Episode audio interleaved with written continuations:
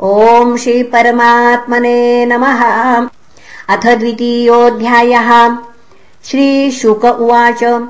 एवम् पुरा धारणयात्मयो निर्नष्टाम् स्मृतिम् प्रत्यवरुध्य तुष्टात् यथा ससर्जेदममोघदृष्टिर्यथाप्ययात् प्राग्व्यवसाय बुद्धिः शाब्दस्य हि ब्रह्मण एष पन्था यन्नामभिर्ध्यायति धीरपार्थैः। परिभ्रमंस्तत्र न विन्दतेऽर्थान् मायामये वासनयाशयानः। अत कविर्नामसु यावदर्थः। स्यादप्रमत्तो व्यवसाय बुद्धिः सिद्धेऽन्यथार्थेन यतेत तत्र परिश्रमम् तत्र समीक्षमाणः। सत्याम् चितौ किम् कशिपोः प्रयासैर्बाहौ स्वसिद्धेह्युपबर्हणैः किम् सत्यञ्जलौ किम् पुरुधान्नपात्र्या दिग्वलकलादौ सति किम् दुकूलैः। चिराणि किम् पथि न सन्ति दिशन्ति भिक्षाम् नैवाङ्घ्रिपापरभृतः सरितोऽप्यशुष्यन् वृद्धा गृहा किमजितोऽवति नोपसन्नान्। कस्माद्भजन्ति कवयोधन दुर्मदान्धान् एवम् स्वचित्ते स्वत एव सिद्ध आत्मा प्रियोऽथो भगवानन्तः तम् निवृतो नियतार्थो भजेत्। संसारहेतुपरमश्च यत्र कस्ताम् त्वनादृत्य परानुचिन्तामृते पशून सतीम् नाम युञ्जात्। पश्यञ्जनम् पतितम् वैतरण्याम् स्वकर्मजान् परितापाञ्जुषाणम्। केचित् स्वदेहान्तर्हृदयावकाशे प्रादेशमात्रम् पुरुषम् वसन्तम्। चतुर्भुजम् कञ्जरथाङ्गशङ्ख गदाधरम् धारणया स्मरन्ति।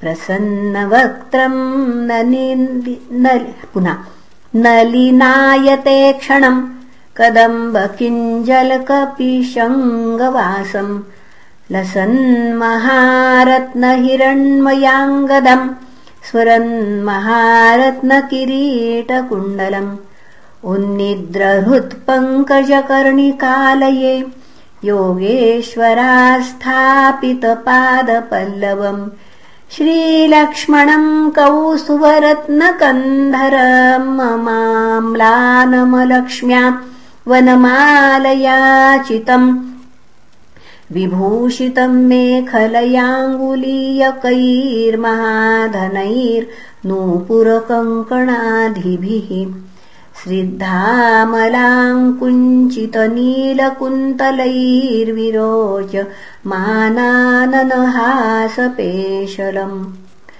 अदीनलीलाहसिते क्षणोल्लसत् भ्रूभङ्ग संसूचित भूर्यनुग्रहम्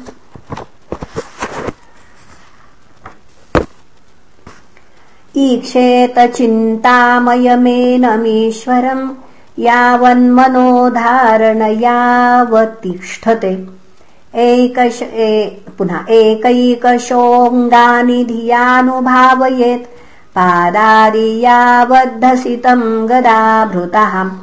जितम् जितम् स्थानमपोह्य धारयेत् परम् परम् शुध्यति धीर्यथा यथा यावन्न जायेत परावरेऽस्मिन् विश्वेश्वरे दष्टरि भक्तियोगः।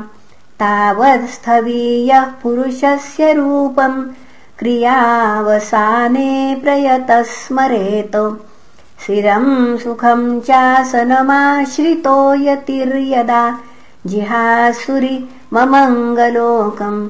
काले च देशे च मनो न सज्जयेत् यच्छेन्मनसा जितासु। मनस्वबुद्ध्यामलया नियम्य। क्षेत्रज्ञ एताम् निनयेत्तमात्मनि। आत्मानमात्मन्यवरुध्य धीरो लब्धोपशान्तिरविरमेत कृत्यात् न यत्र कालो निमिषाम् परः प्रभुः कुतो नु देवा जगताम् य ईशिरे। न यत्र सत्त्वम् न रजस्तमश्च न वै विकारो न महान् प्रधानम् परम् पदम् वैष्णवमामनन्ति तद् यन्नेति नेतीत्यतदुत्सीसृक्षवः विसृज्य दौरात्म्यमनन्यसौहृदा हृदोपगुह्यार्ह पदम् पदे पदे। इत्थम् मुनिस्तु परमेतव्यवस्थितो। विज्ञानदृग्वीर्यसुरन्धिताशयः। स्वपार्ष्णिनापीड्यबुदम् ततोऽनिलम् स्थानेषु षट्सून्नमये जितक्रमः। नाभ्याम् स्थितम् हृद्यधीरोऽप्यतस्मादुदानगत्योरसितम् यनेन् मुनिः। ततोऽनुसन्धाय धिया मनस्वी स्वतालुमूलम् शनकैर्नयेत्। तस्माद्भ्योरन्तरमुन्नयेत निरुद्धसप्तायतनोऽनपेक्षा स्थित्वा मुहूर्तार्धमकुण्ठदृष्टिर्निर्भिद्य मूर्धन् विसृजेत् परम् गतः। यदि प्रयास्यन्नृपपारमेष्ठ्यम् वैहाय सा नामुत यद्विहारम् अष्टाधिपत्यम् गुणसन्निवाये सहैव गच्छेन्मनसेन्द्रियैश्च योगेश्वराणाम् गतिमाहुरन्तर्बहिर्स्त्रिलोक्या पवनान्तरात्मनाम् न कर्मभिस्ताम् गतिमाप्नुवन्ति विद्यातपो योगसमाधिभाजाम्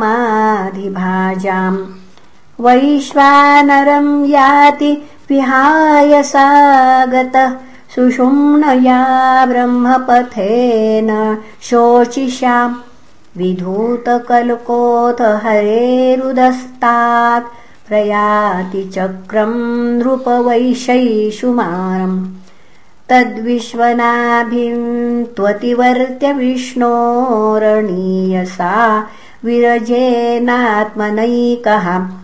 नमस्कृतम् ब्रह्मविदामुपैति कल्पायुषो यद्विबुधारमन्ते अथो अनन्तस्य मुखानलेन दन्दह्यमानम् स निरीक्ष विश्वम्। निर्यातिसिद्धेश्वरजुष्टधिष्ण्यम् यदद्वैपरार्घ्यम् तदुपारमेष्ठ्यम् न यत्र शोको न जरा न मृत्युर्नार्तिर्न चोद्वेगरुते कुतश्चित्। यच्चित्ततोदः कृपया निदम् विदाम् दुरन्तदुःख प्रभवानुदर्शनात्। ततो विशेषम् प्रतिपद्य निर्भय।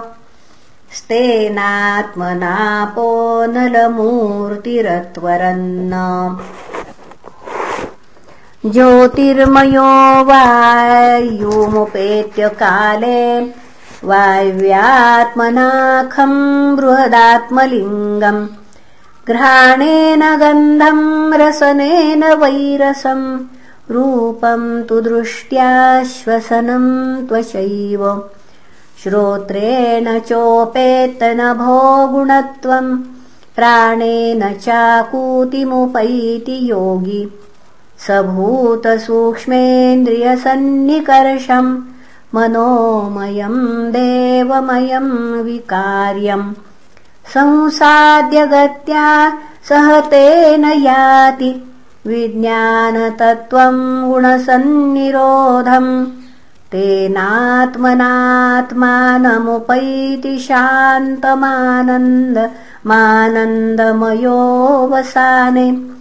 एताम् गतिम् भागवतीम् गतो यः। स वै पुनर्नेह एते श्रुतीते नृपवेदगीते। त्वयाभिपृष्टेह सनातने च। ये वै पुरा ब्रह्मण आहपृष्ठ आराधितो भगवान् वासुदेवः न ह्यतोऽन्यः शिवः पन्था विशत संसृताविह वासुदेवे भगवति भक्तियोगो यतो भवेत्। भगवान् ब्रह्मकास्नेन त्रिरन्वीक्ष मनीषयाम् तदध्यवस्यतः कूटस्थोरतिरात्मन् यतो भवेत्। भगवान् सर्वभूतेषु लक्षितस्वात्मना हरिः। दृश्यैर्बुद्ध्यादिभिर्द्रष्टा लक्षणैरनुमापकैः। तस्मात् सर्वात्मना राजन् हरिः सर्वत्र सर्वदा श्रोतव्यः कीर्तितव्यश्च।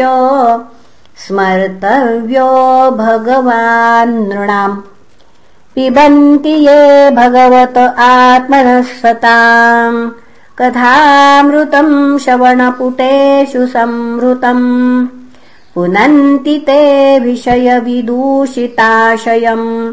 व्रजन्ति तच्चरणसरोरुहान्तिकम्। इति श्रीमद्भागवते महापुराणे पारमहंस्याम् संहितायाम् द्वितीयस्कन्धे पुरुषसंस्थावर्णनम् नाम द्वितीयोऽध्यायः। श्रीकृष्णार्पणमस्तु। हरये नमः हरये नमः हरये नमः